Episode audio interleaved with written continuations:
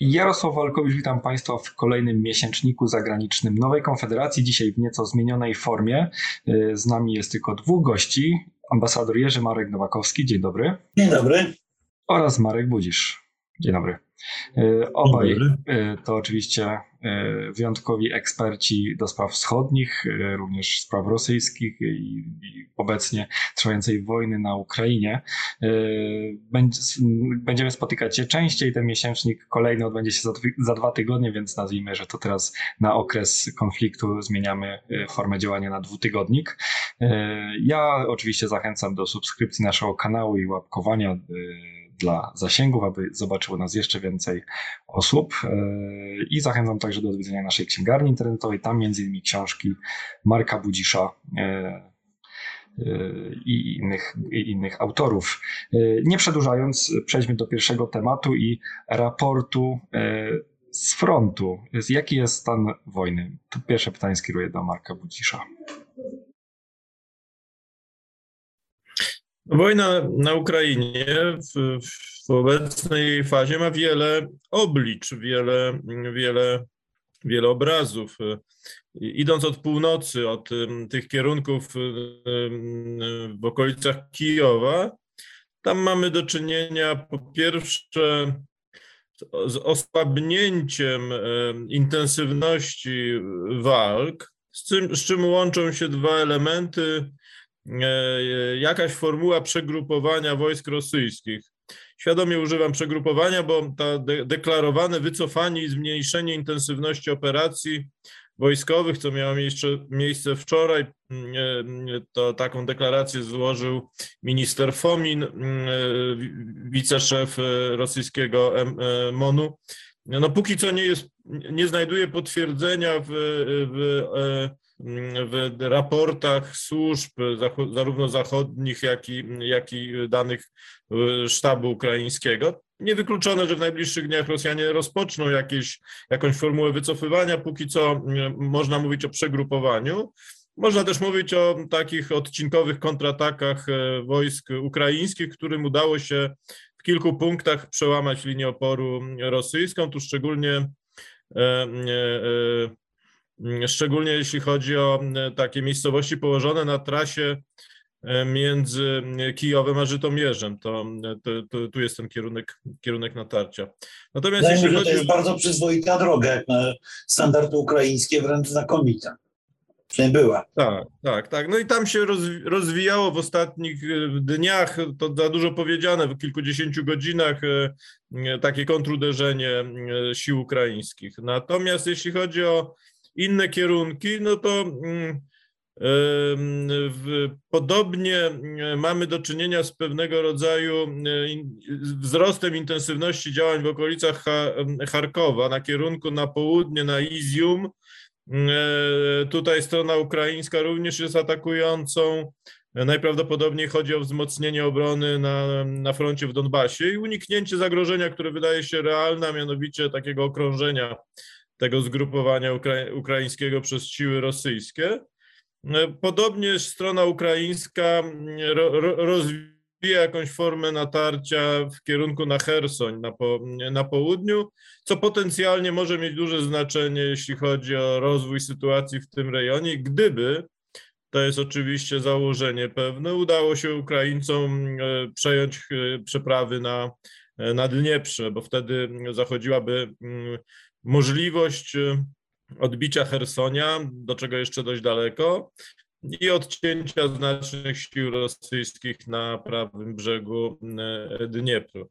Rosjanie kontynuują natarcie na Mariupol y, i wydaje się, że przygotowują się w tej drugiej fazie operacji wojennej, o której mówił pod koniec ubiegłego tygodnia generał Rudzko i dowódca mm, komponentu operacyjnego rosyjskich sił zbrojnych przygotowują się do takiego wzmożonego ataku na e, przede wszystkim w Doniecku, co jest, co jest skorelowane z, z celami politycznymi wojny, a przynajmniej z celami politycznymi tej fazy wojny, bo bo tutaj też nastąpiła pewna, mm, pewna zmiana.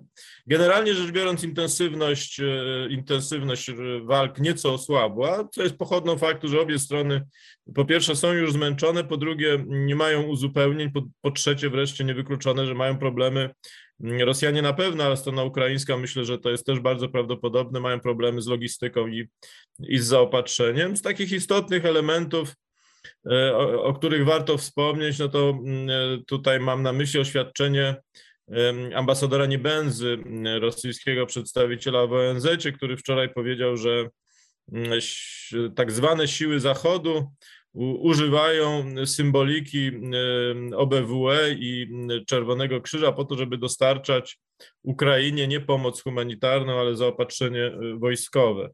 To można traktować jako e, jedną z wielu pogróżek Rosji pod adresem kolektywnego Zachodu, no ale można też od, e, odczytywać te słowa jako deklarację rozszerzenia teatru działań wojennych przez uderzenie w, w kanały zaopatrzenia E, dla sił, dla strony ukraińskiej. Generalnie moim zdaniem wojna weszła w taką fazę relatywnie mm, spokojniejszą, jeśli w ogóle tego sformułowania można użyć w tym, w tym kontekście, dlatego że obie strony, zarówno rosyjska, jak i ukraińska, stoją przed ważnymi decyzjami o charakterze politycznym, Podjęcie tych decyzji może skutkować eskalowaniem konfliktu i przedłużaniem go. Może skutkować też oczywiście jakimś, jakąś formułą wygaszania.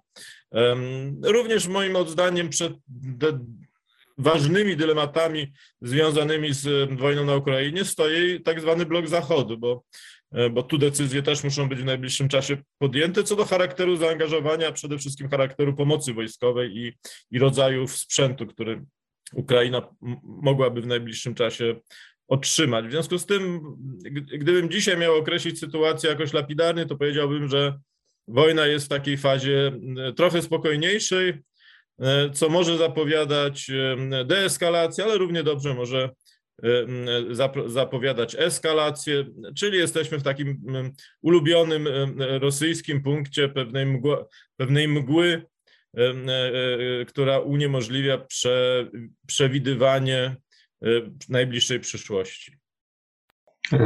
Tak, czyli Rosjanie jednocześnie nie odsłaniają kart, nie pokazują, jaki jest ich cel. Właśnie, a w międzyczasie trwają rozmowy pokojowe i Wydaje się, że ostatnio nastąpił niewielki przełom, ale czy rzeczywiście, czy to nie jest znowu dalsza gra na zwłokę, ambasador Nowakowski? E, nie wiem, czy użycie słowa przełom jest właściwe. E, ja raczej bym powiedział, nastąpił bardzo niewielki postęp w tych rozmowach, czy w ogóle w ogóle cokolwiek drgnęło w tych rozmowach, a może tak. Wydaje się, że to ostatnie, ostatnie spotkanie w Stambule było spotkaniem nareszcie ludzi, którzy mieli jakieś pełnomocnictwa do rozmów, przynajmniej tak by wyglądało z tego. Ale jeszcze uzupełniając ten obraz, który zarysował Marek Budzisz, e, ja chciałbym e, podkreślić dwie rzeczy. Po pierwsze, są bardzo niepokojące sygnały z Morza Czarnego. Bo pamiętajmy, że został praktycznie praktycznie całkowicie wstrzymany ruch statków z portu w Odessie. Odessie, która jest miejscem eksportu trzech czwartych towarów eksportowanych przez Ukrainę, w tym bardzo znacznych ilości towarów żywnościowych, które się e, często są, są, są towarami o ograniczonym e, czasie przechowywania. E, I są sygnały i z Rumunii, i z Turcji, że miny, które zostały na torze wodnym do Odessy umieszczone przez stronę rosyjską, dryfują bez kontroli po Morzu Czarnym, co jest zjawiskiem dziwnym, no bo to, to, to, to się rzadko zdarza w wypadku, w wypadku dobrze postawionych min morskich, ale oznacza to no, doprowadzenie do sytuacji zagrożenia w ogóle żeglugi na Morzu Czarnym, co, co, co jest też jakimś nowym, nowym czynnikiem. To jest jedna rzecz. Druga rzecz, no jeżeli mówimy o Chersoniu, to pamiętajmy, że Cherson ma dla Rosjan znaczenie kluczowe nie tylko ze względu na to, że jest to brama, która pozwala potem przeprowadzić atak na e, czarnomorskie wybrzeże e, Ukrainy, ale również jest to miejsce, w którym zaczyna się kanał dostarczający wodę na, e, na, teren Krymu, a Krym jest w stanie permanentnego kryzysu wodnego. Natomiast co do rozmów pokojowych. Wydaje się, tu, tutaj pełna zgoda z, z Markiem Budziszem co do tego, że wiemy bardzo niewiele i że e, poruszamy się w mgle informacyjnej, jeśli chodzi o sytuację wojskową. E, te rosyjskie oświadczenia o wycofywaniu się na północy no, mi przypominają stare powiedzonko, że należy wierzyć tylko w informacje, które są zdementowane. Wobec tego dementi, że Rosja chce nadal atakować Kijów, y, kazałoby y, y, przyjmować, że rzeczywiście jest to być może wycofywanie, a być może przegrupowanie, żeby ponowić, ponowić atak. Poza tym warto pamiętać jeszcze, już ostatnia rzecz a propos frontu, to warto pamiętać o tym, że cały czas jest utrzymywana dość wysoka intensywność ostrzałów rakietowych, przy czym wyraźnie widać, że Rosjanie w tej chwili za cel wzięli logistykę ukraińską, czyli próbują e, niszczyć bazy paliwowe, próbują niszczyć te, te węzły logistyczne, które są kluczowe dla ukraińskiego, dla ukraińskiej kontrofensywy, która rzeczywiście pod Kijowem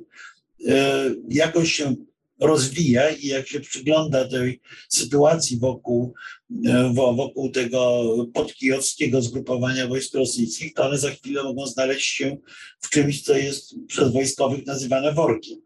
E, w każdym mogą, mogą się znaleźć w okrążeniu.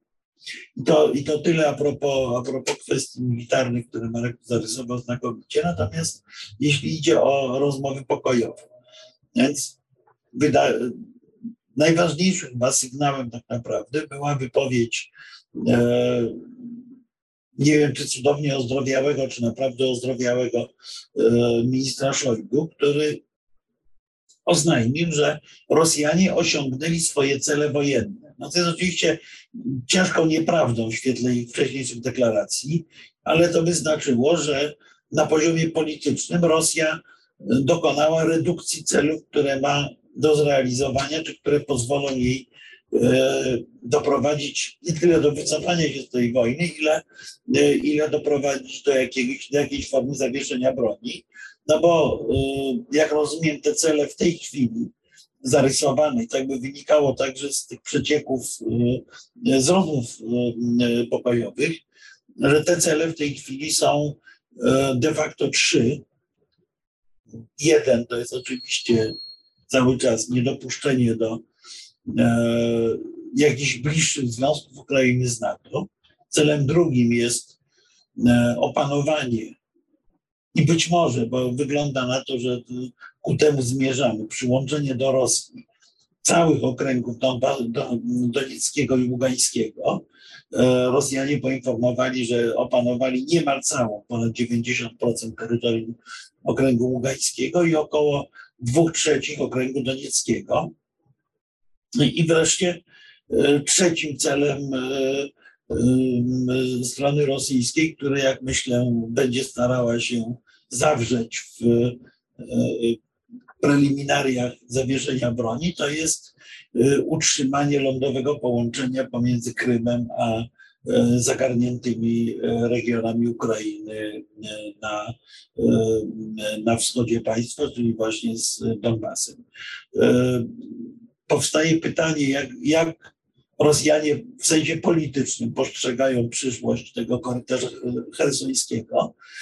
Zapewne będą tutaj żądali jakichś bardzo daleko idących gwarancji, czy, czy wręcz możliwości, możliwości kontroli. W każdym razie E, wygląda na to, że w sensie wojskowym obie strony rzeczywiście e, pomału wyczerpują swoje możliwości e, działania. Dla Rosji wprowadzenie uzupełnień to jest tak naprawdę kwestia kilku miesięcy, czyli zmierzamy jak, tak, jak zapowiadali zresztą e, eksperci związani zwłaszcza ze stroną ukraińską, zmierzamy w ciągu kilku tygodni do jakiejś formuły rozejmowej czy zawieszenia broni. No i myślę, że te działania wojskowe, które w tej chwili się toczą, są w istocie pozycjonowaniem się już do tego, do tego rozejmu.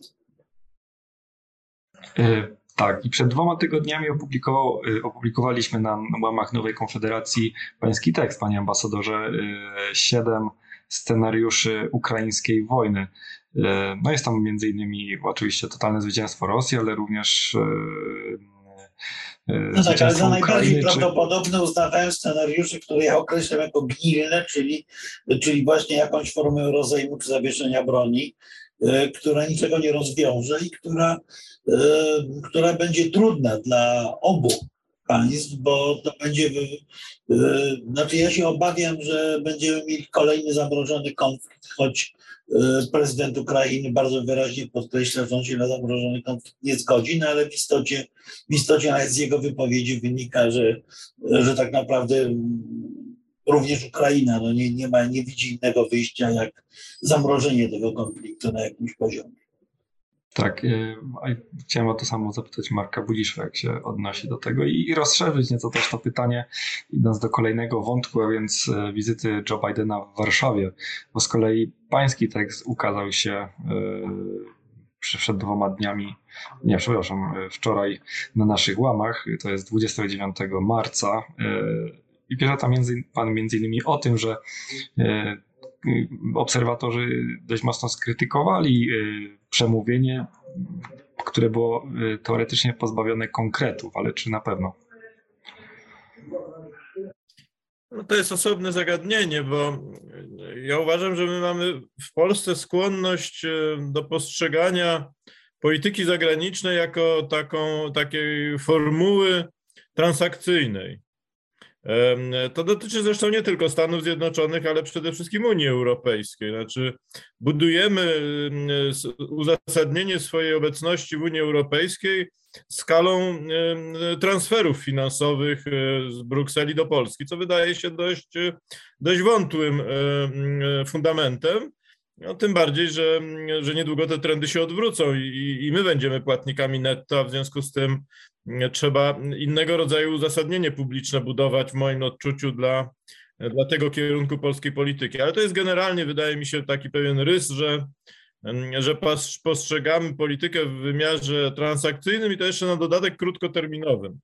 To muszą być szybko i, i, i dokonywane transakcje i to i, i zyski z jakichś tam e, działań muszą być wymierne i widoczne E, co mnie skłania ku myśli takiej, że głównym motywem tak, takiego myślenia jest chęć spożytkowania e, tychże doraźnych osiągnięć w celach e, polityki wewnętrznej, a niewiele ma to wspólnego z polityką zagraniczną. Ale to zostawmy na razie z boku te, te, te rozważania, skądinąd dość ważne.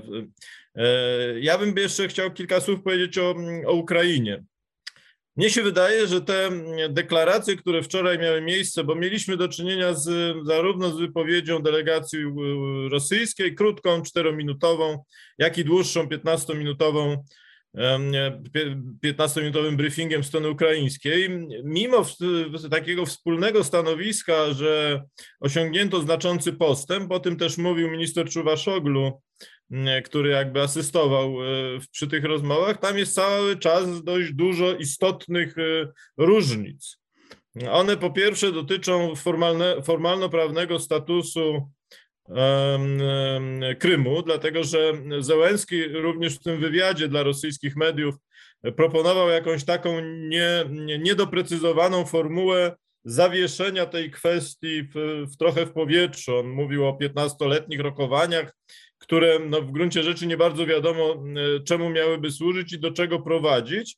No chyba, że do myślenia takiego, że za 15 lat powiemy sobie znowu, no to sprawdźmy swoje siły, to państwo, które będzie silniejsze, to, y, to, to jego pozycja się poprawi, no bo y, tam nie ma żadnego mechanizmu, który mógłby przesądzić o, o, o, o rozstrzygnięciu i to jest w moim odczuciu formuła nawet gorsza od tej, która się pojawiała E, nieco wcześniej, czy, czy, kiedy mówiono, że być może rozwiązanie, które zastosowano dla Hongkongu, czyli takie stuletnie, stuletni mandat rosyjski nad Krymem, być może e, to, to nawet to, to, które ostatnio się proponuje, jest gorsze od tego e, Kongu, bo, bo tamten był przynajmniej precyzyjny, jasny i, i odwlekał perspektywę rozstrzygnięcia na tak na tak duży czas, czy, czy sytuował w tak, tak odległej przyszłości, że właściwie to,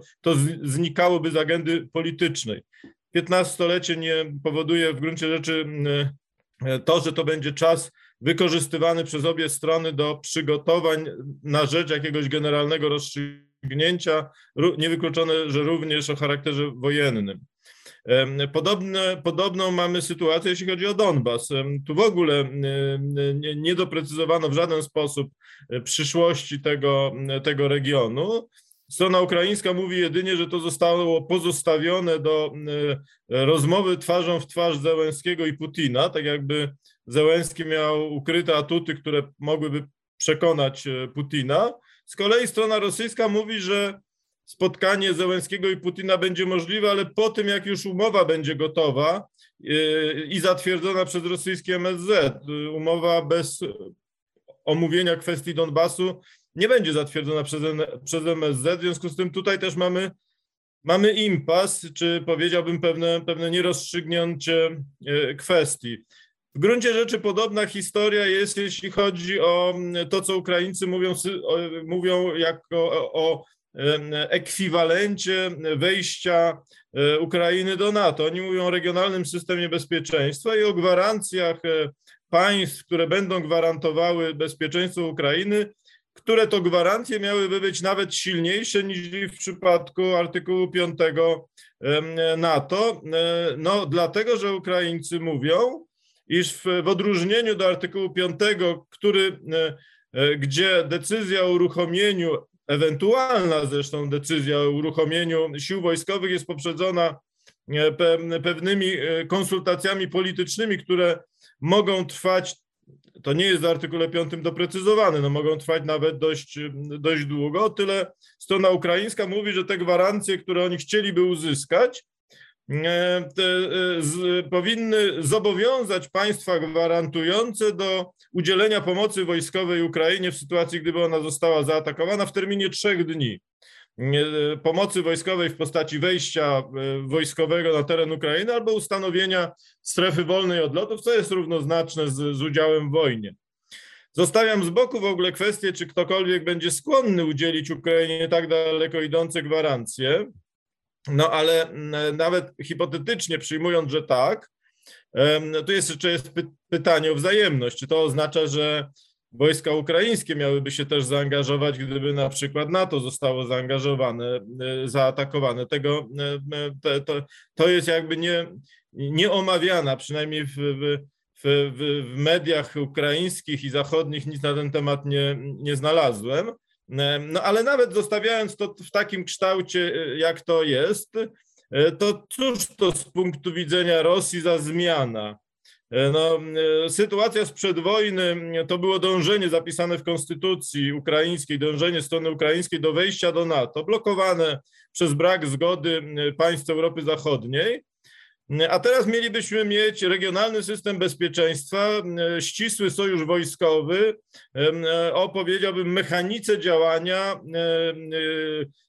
sprawniejszej niż w przypadku NATO, mało tego ograniczony do państw rzeczywiście zaangażowanych i gotowych wojskowo zaangażować się w jakąś, w razie jakiegoś regionalnego konfliktu. E, e, temu towarzyszą wypowiedzi ukraińskich e, polityków, też i samego Załęskiego, że najlepszą gwarancją bezpieczeństwa Ukrainy jest, są ukraińskie siły zbrojne, że po zakończeniu wojny pierwszym jakby działaniem to będzie rozbudowa czy odbudowa potencjału ukraińskich sił zbrojnych i że te siły zbrojne powinny liczyć docelowo nawet 300 tysięcy ludzi pod bronią. W związku z tym z, z, politycznego punktu widzenia tak zarysowany nowy, e, nowa sytuacja, czy nowy punkt równowagi, czy, czy nowy system bezpieczeństwa, w którym e, miałaby uczestniczyć Ukraina, w moim odczuciu jest dla Rosji gorszy niż stan sprzed wojny. E, a w związku z tym nie, nie widzę żadnych powodów, dla których Rosja miałaby się na, na to godzić, chyba że traktuje całe porozumienie jako pewną formułę zamrożenia konfliktu, którą można by wykorzystać na przygotowanie się do drugiej fazy. Ta druga faza nie musi nastąpić za dwa tygodnie czy dwa miesiące. Ona może również nastąpić za kilka lat. no, no ale to nie zmienia faktu, że w efekcie e, dostajemy coś w rodzaju konfliktu zamrożonego, który będzie, który będzie poprzedzał znacznie większe, znacznie większe starcie. Tak, tak ja odczytuję tę sytuację, ale równie dobrze e, myślę, że można się też spodziewać i ten scenariusz uważam za, za nieco bardziej prawdopodobny obecnie. Można się spodziewać drugiej fazy wojny i, i dążenia Rosji jednak do osiągnięcia sukcesu w polu a nie, a nie przy stole negocjacyjnym. To, to myślę, że Rosjanie jeszcze takie działania będą starali się podjąć, tym bardziej jeśli NATO z kolei, czy państwa raczej Zachodu, nie podejmą decyzji o dostarczeniu Ukrainie broni o charakterze ofensywnej.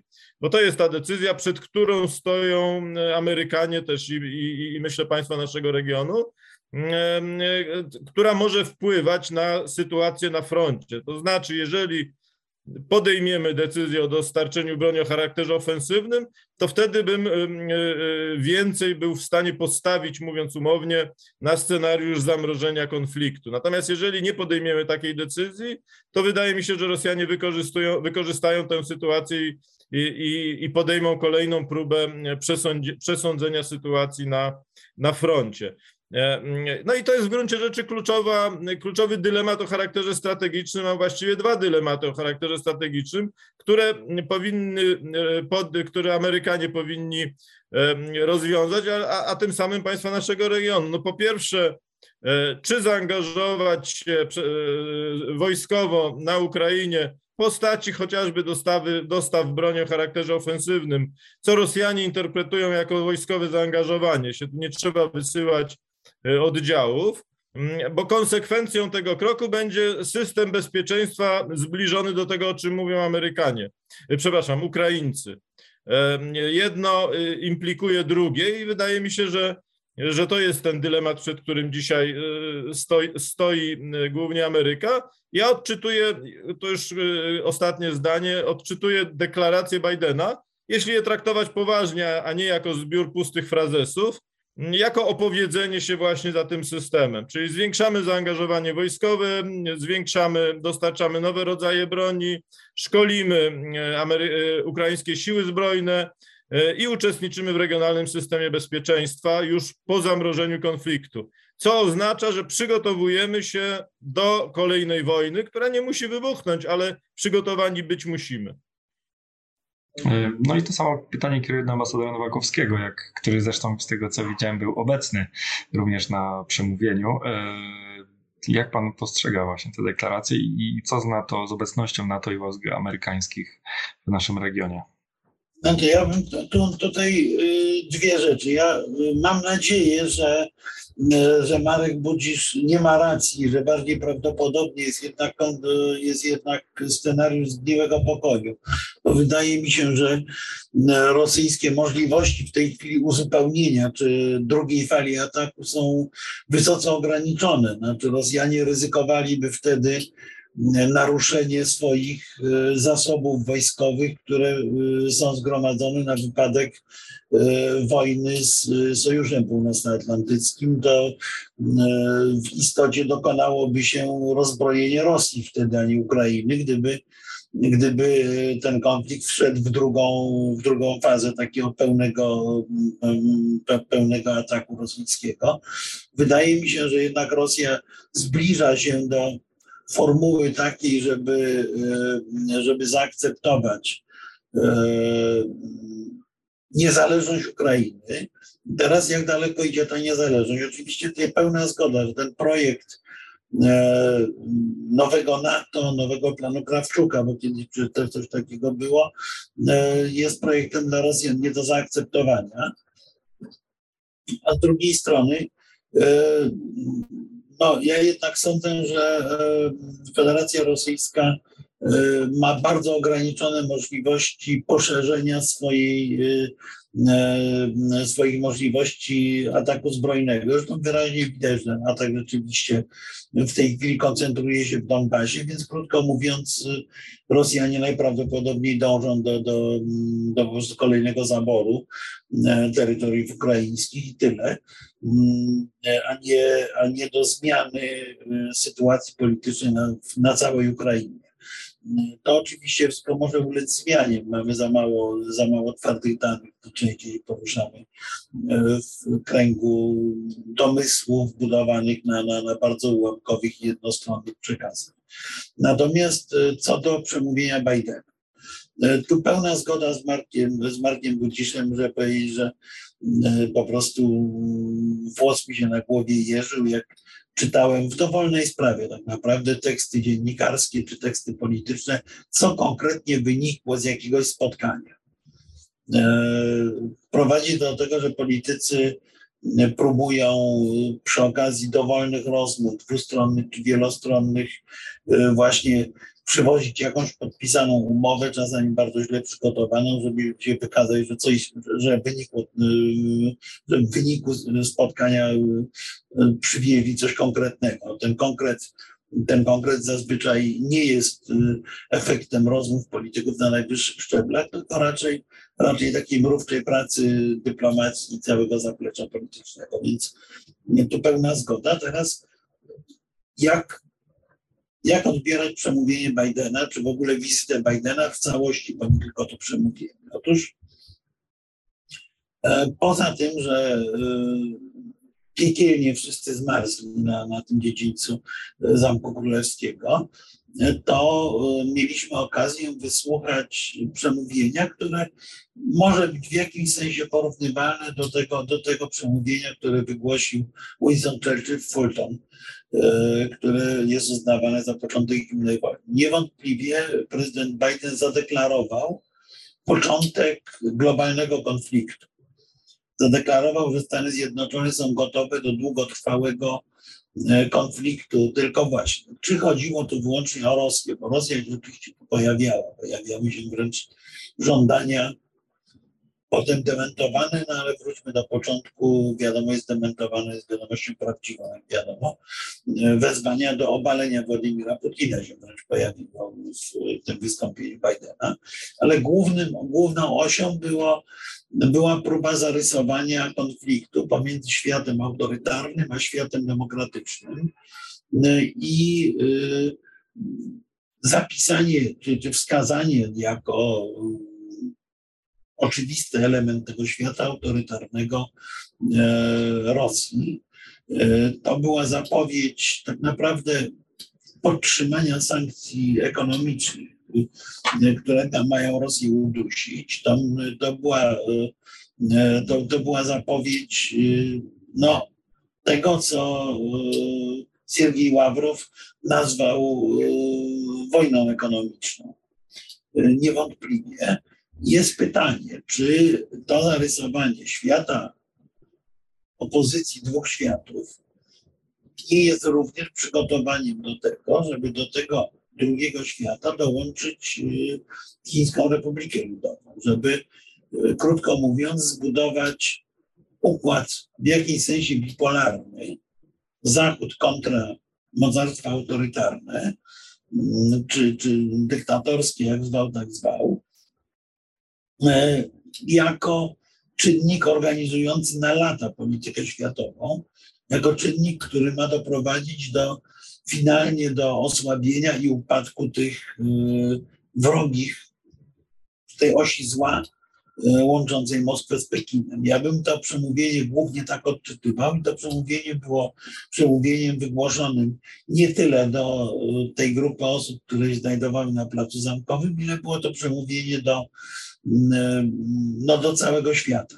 Ja tak wejdę w słowo, to y, też to, co Pan mówi, bardzo mi się pokrywa z tym, co obserwujemy już od paru lat, chociażby przez ćwiczenia morskie Chin, e, które ćwiczą właśnie z Rosją, Iranem czy Pakistanem chociażby. No tak, no, zresztą no, wizyta Ławrowa w, w tej chwili w, Pek w Pekinie pierwsze przecieki z rozmów e, z ministrem Banki wskazują na to, że Chińczycy stojąc przed wyborem, bardzo twardo zarysowanym przez stronę amerykańską, po której stronie są w tym konflikcie, zdają się jednak skłaniać do tego, żeby stanąć po stronie rosyjskiej, czyli żeby przyjąć to amerykańskie wyzwanie rzucone, e, rzucone w Warszawie. E, no i oczywiście mamy tutaj jeszcze elementy dodatkowe, czyli mamy element roli Polski w całej tej układance. Myśmy wysłuchali wiele komplementów, ale uczciwie mówiąc, e, te komplementy pod naszym adresem były to głównie komplementy za to, że my przyjmujemy uchodźców z Ukrainy.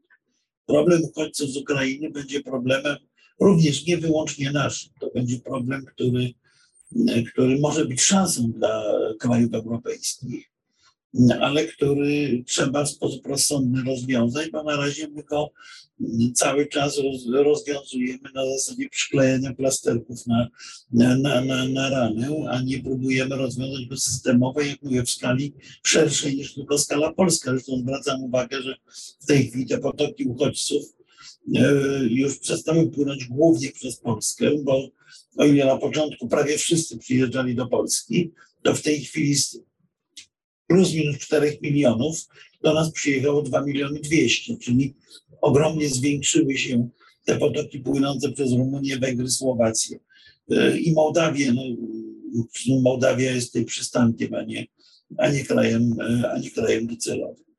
E, też ten, tę kwestię trzeba będzie rozwiązać i zabrakło, powiem szczerze, Zresztą chyba sami Amerykanie się dość szybko zorientowali, że tego zabrakło. Zabrakło mi odniesienia do problemu białoruskiego.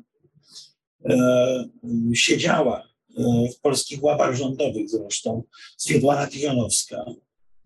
E, tymczasem słowo Białoruś w ogóle nie padło w tym przemówieniu e, prezydenta Stanów Zjednoczonych, a kwestia białoruska jest kwestią z punktu widzenia strategicznego i z punktu widzenia reżimu sankcyjnego niesłychanie niesłychanie ważna. Jak mówię, Amerykanie się chyba zorientowali, że to, było, że to był błąd, bo jeszcze przed opuszczeniem Warszawy prezydent Biden telefonował do Stefany Tichanowskiej i zdaje się, był w pewnym momencie y, w tym ogólnym rozgardiaszu po zakończeniu przemówienia był, był pomysł, żeby doprowadzić do, do, do krótkiego przeniesienia handlu Cichanowskiej z Bidenem, tylko tylko właśnie ogólny rozgardiasz sprawił, że, że, jej, e, że jej się nie dało we właściwym momencie ściągnąć do, e, do Arkad Kubickiego, z którym wyjeżdżał e, prezydent Biden.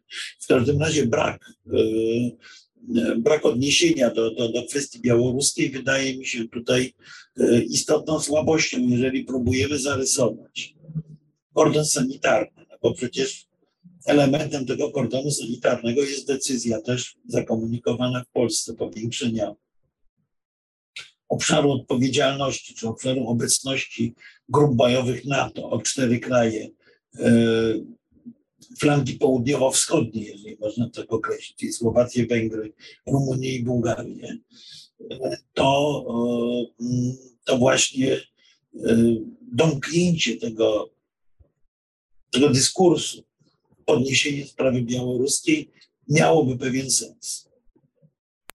Y, poruszył Pan właśnie kilka kwestii, które chciałem y, y, rozwinąć w teraz w kolejnej części rozmowy. Kwestię białoruską i węgierską, ponieważ właśnie Viktor Orban ewidentnie balansuje na ostrzu noża i wciąż ciężko powiedzieć, czy może nie chcemy się jeszcze pogodzić z tym, że być może on wcale nie opowiada się e, po stronie demokratycznej, a może tak, tylko próbuje coś ugrać dla siebie, ale także właśnie e, Białoruś, no, e, w co gra Łukaszenka, Marek Budzisz. Łukaszenka gra, gra w przetrwanie.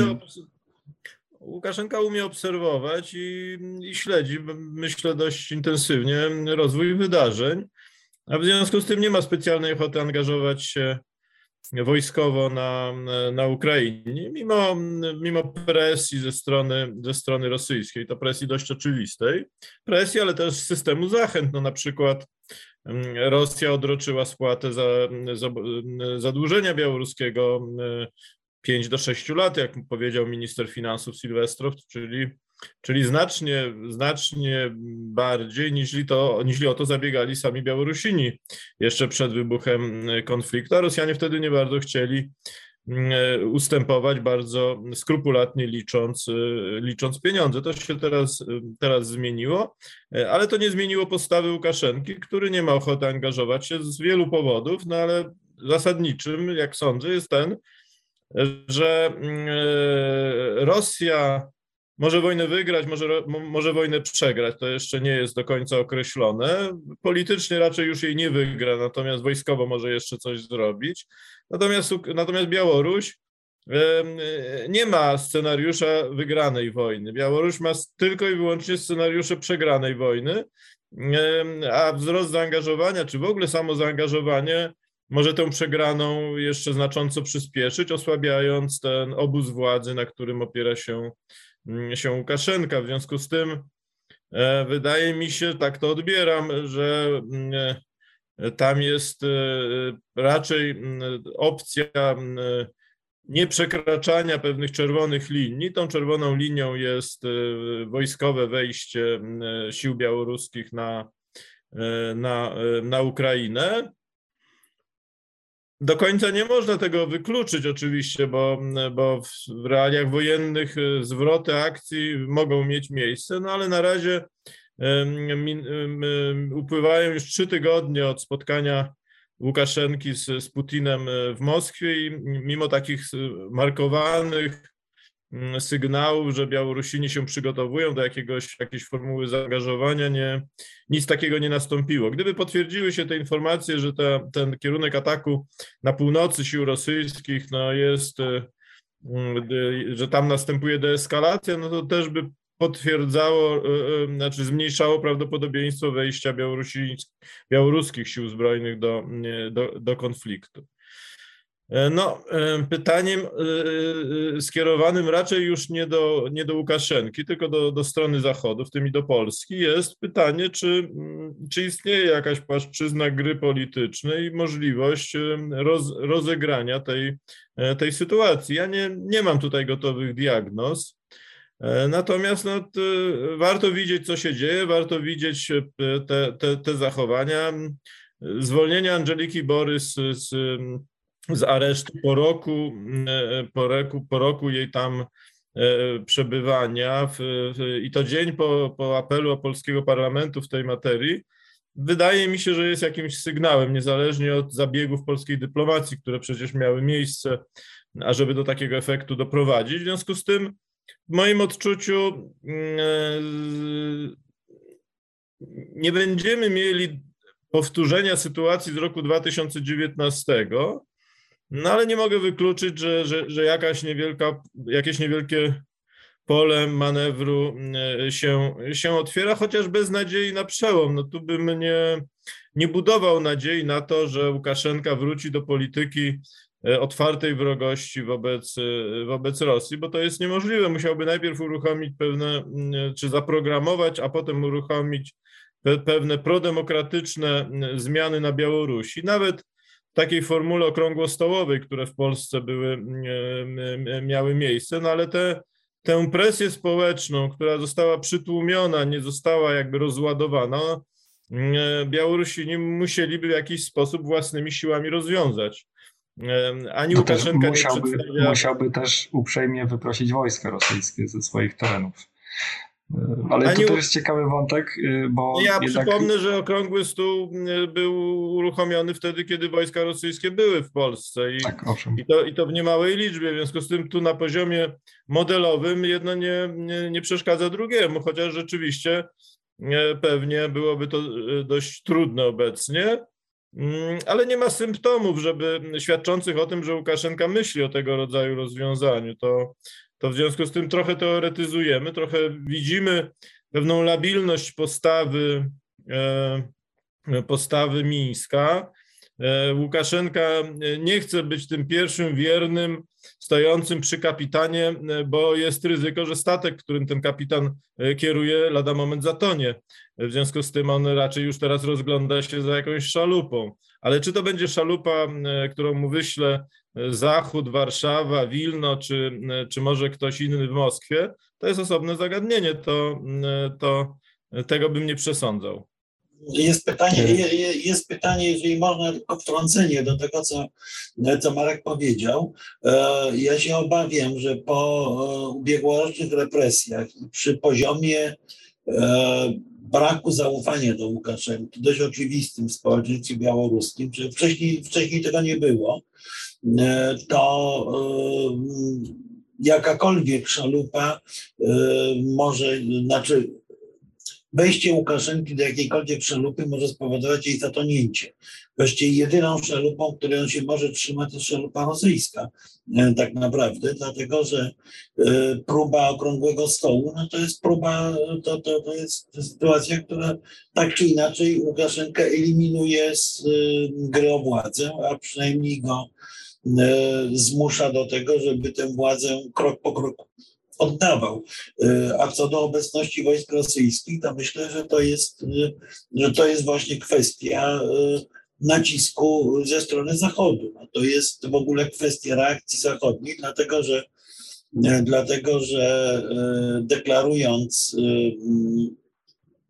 zimną wojnę, jednocześnie deklarując zimną wojnę, jednocześnie Joe Biden nie zdecydował się na e, kolejne kroki. Być może się zdecyduje na kolejne kroki o charakterze wojskowym, czyli o e, skokowe wzmocnienie, to nie tylko siłami amerykańskimi, ale siłami kilku państw NATO, o skokowe wzmocnienie krajów bałtyckich i po części Polski, w wypadku Polski to jest to, o co prosił Andrzej Duda zresztą w, w rozmowach, czyli y, o znaczące przyspieszenie szczególnie dostaw y, systemów antyrakietowych. No, tak dlatego nie mamy pewności, czy te deklaracje Bidena to nie jest tylko retoryka. Natomiast traktując je poważnie, Należałoby, ja odbieram to jako pewien plan polityczny związany z oceną sytuacji. Teraz będziemy obserwować, na ile Ameryka jest ten plan polityczny w stanie zrealizować. Pierwszym krokiem musi być no, po prostu wypowiedzenie umowy Rosja-NATO, bo ona również w sensie formalnym nakłada na NATO pewne ograniczenia. A tutaj to NATO już musi... takie przekroczyło. W tej chwili już obecność wojskowa no tak, ale my mówimy, brygady przekracza, ale mówimy o, o nierotacyjnym charakterze tej tak, obecności. Tak, tak jest. Ta, więc jeżeli chcemy mieć nierotacyjny charakter obecności, trwałe wzmocnienie, no to musimy, musimy to, ten stan zmienić. I najprawdopodobniej tak bym chciał to widzieć. Nie wiem, czy to się stanie, ale powinno się stać, jeśli te deklaracje są składane na serio. No, powinno to nastąpić na madryckim szczycie NATO razem z przyjęciem razem, razem z przyjęciem dokumentów y, strategicznych, a konsekwencją dopiero e, tego powinny być już e, realne działania polegające na wzmocnieniu wschodniej flanki czy wschodniego frontu, jak niektórzy mówią NATO. No bo jeżeli używamy analogii zimnej wojny 1-0 i roli Niemiec, którą to Niemcy wiadomo jaką spełniały, no to, to nie, nie da się budować takiej samej pozycji na wschodniej flance bez skokowego wzrostu sił wojskowych tutaj dyslokowanych. Zarówno dyslokowanych, jak i własnych, no bo to jest też y, jedno w oczywisty sposób związane z drugim. W związku z tym myślę, że, że do końca czerwca będziemy wiedzieć, czy, czy to są poważne deklaracje, czy to rzeczywiście e, e, zapowiada głębokie zmiany w amerykańskiej polityce, bo za tym muszą iść już teraz rozpoczynające się kroki, nie tylko związane z, ze wspieraniem Ukrainy, ale, ale kroki przygotowujące no, no, no, no, zmianę projekcji siły na wschodniej flance NATO, mówiąc w największym skrócie. E, a, a co z kwestią Węgier?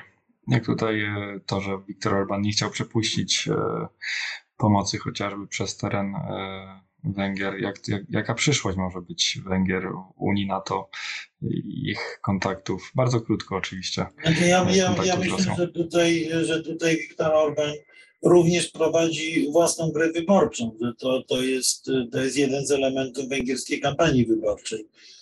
Ta decyzja, ta, ta opowieść o tym, że spokój i dobrobyt Węgrów jest nadrzędnym celem Viktora Orbana, to jest, to, to, to jest element sporu przedwyborczego, bo Orban wyraźnie atakuje swoich oponentów politycznych tym, że oni by wprowadzili najchętniej Węgry do wojny i że to jest nieodpowiedzialność polityczna, więc zobaczymy, jak będzie się Orban zachowywał po wyborach, jeżeli je wygra, co jest wysoce prawdopodobne w tej chwili. I Marek Budzisz? Ja podobnie oceniam postawę Węgier i, i motywację Wiktora Orbana. Mm, wydaje mi się zresztą, że mm, tutaj on akurat jest przedstawicielem dość tradycyjnego myślenia węgierskich elit, bo niezależnie od deklaracji e, miłości i przyjaźni przed II wojną światową, Budapeszt e, dość określoną linię polityczną e, zajął już po, po, po, po zajęciu Czech i, i po, po zaatakowaniu Polski. W związku z tym to to jest też y, pochodną e, e, takich czynników jak położenia Węgier i wielkości tego, e, tego kraju oraz zadawnionego resentymentu po Trianon. No to, to, jest, to, to, to grało rolę w, przed drugą, czy, czy na początku II wojny światowej, to też odgrywa pewną rolę, inaczej werbalizowaną, E, ale nadal to jest istotny czynnik w, węgierskiej mentalności, a jeśli mentalności czy, czy sposobie postrzegania świata, to też i w, w preferencjach wyborców. E, to dlatego, e, nie, dlatego Viktor Orban rozgrywa tę kartę, że, że wymyślił pewien problem i próbuje go wtłoczyć w głowy Węgrom, tylko dlatego, że Węgrzy E, e, żyją syndromem e, Trianon, a przynajmniej istotna, czy, czy licząca się część węgierskiego elektoratu nie, nie, nie przetrawiła zmiany sytuacji geostrategicznej własnej ojczyzny, tak jak, jak, jak zrobiły to, zrobili to Polacy. My, my nie, nie żyjemy chęcią odzyskania Wilna i, i Lwowa, tak przynajmniej ja mam poczucie, że że jeśli to są to jakieś marginalne środowiska, co jest dorobkiem e, kultury paryskiej przede wszystkim i pewnego realistycznego, realistycznej szkoły myślenia, ale też z drugiej strony tej części e, narodowej demokracji, która e, wyraźnie opowiadała się i, i uważała, że, że jest rzeczą korzystną przesunięcie Polski na zachód. To tak, tak na marginesie. Tu mieliśmy ponadpolityczny i ponadpartyjny konsensus nawet między niezłomną częścią opozycji polskiej, mam na myśli tą narodową, a, a częścią komunizmu, komunistycznych polityków, no na przykład Władysławem Gomułką, to, to, to, to też warto docenić. To się nie, nie stało na Węgrzech. Znaczy Węgrzy wydaje mi się nadal w, w, w, w takim imaginarium e, węgierskim kwestia ta jest jakby istotnym elementem porządkującym politykę również i wewnętrzną i to są skutki tego. Natomiast politycznie moim zdaniem niezależnie od polityki Wiktora Orbana i od jego stanowiska, my dzisiaj mamy do czynienia z kresem projektu Międzymorza. Być może i, i, i należy, przepraszam, Trójmorze Przejęzyczyłem się, właśnie jest odwrotnie. E, mamy do czynienia z kresem polityki projektu Trójmorza, a być może mamy do czynienia z pewnym e, postawieniem na agendzie projektu Międzymorza. No bo, bo to dotyczy też przyszłości, przyszłości Ukrainy i, i, i jeśli chodzi o mój osobisty Białorusi. Białorusi. Jeśli chodzi o mój osobisty pogląd, projekt Międzymorza jest projektem znacznie bardziej naturalnym i zakorzenionym zarówno w świadomości e, historycznej, jak i w realnych interesach, niźli, niźli projekt e, Trójmorza, który był projektem w gruncie rzeczy sztucznym i obliczonym tylko na, na, na grę w obrębie Unii, Unii Europejskiej. To, e, to dlatego między innymi ten, ten projekt, mimo już wielu lat funkcjonowania, nie, nie wyszedł poza taką fazę planistyczną. Projekt Międzymorza ma taką szansę, co nie znaczy, że, że się stanie, ale w połączeniu ze strategicznym interesem amerykańskim i z tą zapowiedzią z tymi zapowiedziami Bidena, jeśli one oczywiście będą realizowane w życiu, to może spowodować nadanie pewnej dynamiki temu e, projektowi w ramach e, działań na rzecz odbudowy Ukrainy po wojnie, e, po wojnie z Rosją, no bo tu o tym, o tym mówimy. Natomiast projekt Trójmorza, no i też bliskie związki między polskimi elitami a węgierskimi, wydaje mi się, że to już przeszłość.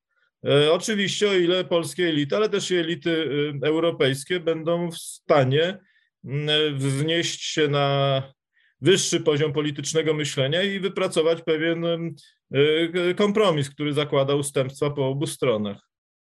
Tak, to jest bardzo ciekawy wątek, który postaramy się w najbliższym czasie również zgłębić Nowej Konfederacji. Chciałem zapytać jeszcze ambasadora Nowakowskiego, czy e, chciałby e, dodać. Ja, ja, się, ja się absolutnie zgadzam z tym, co mówi Marek Bucisz. Ja zresztą pisałem kiedyś jakiś taki tekst y, Trójmorze versus Międzymorze, wskazując, że, że projekt Trójmorza skądinąd sabotowany przez naszych węgierskich partnerów od początku tak naprawdę na różne, na, na, na różne sposoby, y, że projekt Trójmorza był projektem, który w istocie był próbą gry wewnątrz Unii Europejskiej, to gry E, która odbywała się e, w ramach rywalizacji mocarstw. Bo przecież Trójmorze jako, jako Trójmorze powstało w istocie z inspiracji amerykańskiej, żeby powstrzymać chiński projekt 16 plus 1.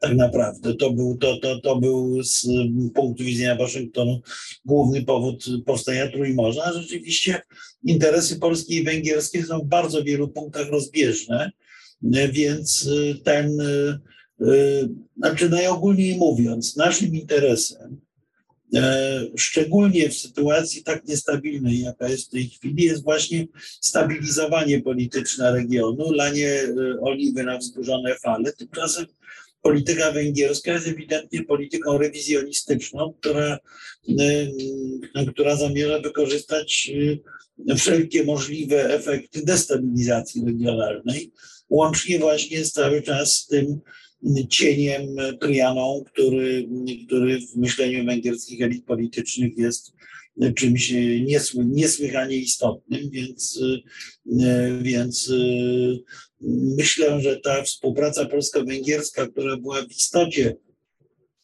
zbudowana na dwóch filarach. Po pierwsze, na rzeczywiście pewnej towarzyskiej bliskości z, ze środowiskiem Fideszu, czy, czy, czy osobistych sympatiach, ale przede wszystkim e, w kontrze do e, polityki Brukseli, no w tej wizie wyczerpuje, dlatego że e, odbudowywanie solidarności euroatlantyckiej przez Amerykanów głównie, no, jest w tej chwili w naszym bardzo głębokim interesie, dlatego że dlatego że zagrożenie rosyjskie jest zagrożeniem dramatycznie realnym i nie możemy sobie pozwolić na to, żeby z tej solidarności euroatlantyckiej się wyłamywać. Węgrzy mogą, bo są inaczej położeni, a poza tym, jak mówię, Węgrzy mają, są zainteresowani tym, żeby ta stabilność regionalna była zachwiana. Ja powiem jeszcze jedną rzecz,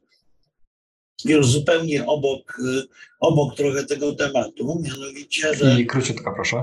Myśmy w Polsce, bo, y, tłumacząc się, bo opóźnia się mój tekst na ten temat dla Nowej Konfederacji, y, ale my musimy w Polsce w tej chwili rozważyć powrót do pewnych modeli y, życia społecznego historycznych, bo jesteśmy, byliśmy krajem, to ten a propos Gomułki i Endecji, byliśmy krajem y, skrajnie monoetnicznym. W tej chwili jesteśmy krajem, który, który ma mniej więcej 7-8% mniejszości narodowych, a nawet zakładając bardzo optymistyczny scenariusz na Ukrainie, nie sądzę, żeby ten procentowy udział mniejszości narodowych w Polsce spadł poniżej 5%. To oznacza zupełnie inny model polityki wobec mniejszości, to, to oznacza zupełnie inny model polityki integracji obywatelskiej prowadzonej, prowadzonej w kraju. Myślę, że tej refleksji nam cały czas bardzo mocno brakuje. Tak, to bardzo ciekawy wątek i zapraszamy na nasz portal, gdzie ten tekst będzie wkrótce Pytanie, dostępny. czy mamy do czynienia z mniejszością, bo ja co do tego mam też pewne wątpliwości. Mamy do czynienia z pewną odrębną grupą o charakterze etnicznym, natomiast mniejszo, istnienie mniejszości zakłada istnienie grupowej samoświadomości. Znaczy, ja, To, nie, to już był taki pewien.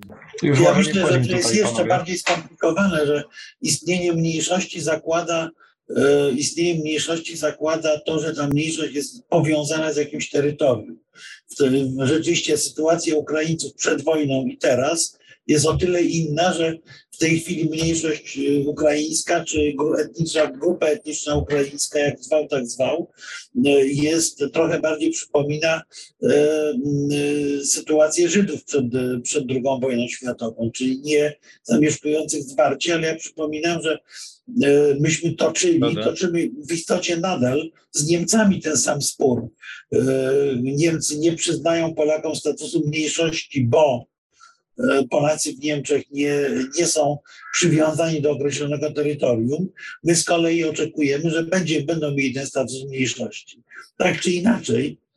e, Marku, ja tu mam raczej co innego na myśli, jeśli, jeśli mogę. Znaczy, zwłaszcza w kontekście odbudowy Ukrainy, y, ja nie wykluczam, że my jesteśmy w fazie nie, nie- nie uobecniania się mniejszości, ale w fazie czegoś na kształt takiego amerykańskiego melting pot, No tak. takiego stapiania się y, Zgoda. obydwu, obydwu narodów. To y, jedno nie wyklucza drugiego. Jest pytanie, w którą stronę idziemy. Ja, ja odpowiedzi nie znam.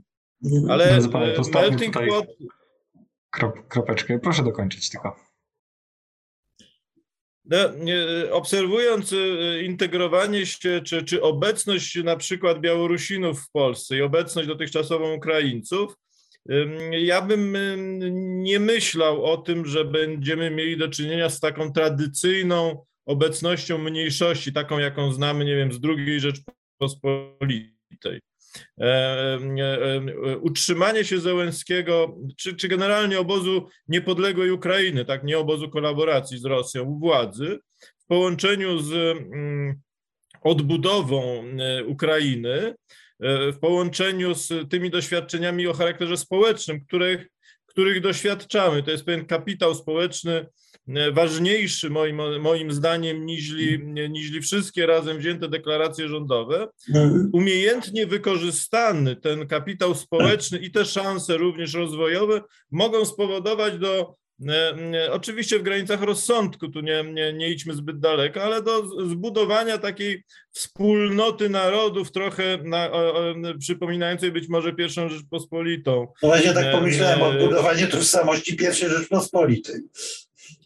Tak. Dlatego użyłem terminu melting pot, a nie terminu mniejszości, bo termin mniejszości, y, y, y, przynajmniej w moim rozumieniu, implikuje pewne antagonistyczne re- relacje. Ja nie, twierdzę, że w pierwszej Rzeczpospolitej tam była sielanka, no, to, to, to e, e, e, szlachta ukraińska spolszczona wobec chłopstwa ukraińskiego z pewnością nie uprawiała sielankowej polityki, a nawet dość zasadniczo odmienną. No ale, e, ale tu też jesteśmy na pewnych rozstajach. To warto by też o, o tym mówić pod adresem e, e, rządzących i pod adresem naszej opinii publicznej. Tak, e, fantastycznie się panów słucha, dlatego bardzo się cieszę, że usłyszymy się już za dwa tygodnie. E, ja jeszcze raz przypominam, że wkrótce tekst ambasadora Nowakowskiego będzie Tak na jest. Nowej Konfederacji. Wr- Wracam i dziękuję, dziękuję Markowi za e, istotne podpowiedzi, które do tego tekstu jeszcze zdołał wprowadzić, dzięki temu, że się spóźniłem z jego oddaniem. Bardzo się cieszę. A ja tradycyjnie zachęcam również do subskrypcji naszego kanału, do widzenia nasz, nowego, naszego portalu nowakonfederacja.pl, gdzie jeszcze więcej ciekawych analiz e, i komentarzy do bieżących wydarzeń. E, a ja zapraszam na inne nasze materiały i na przyszły miesięcznik, właściwie dwutygodnik zagraniczny. Dziękuję za uwagę i do widzenia. Dziękuję bardzo. Dziękuję.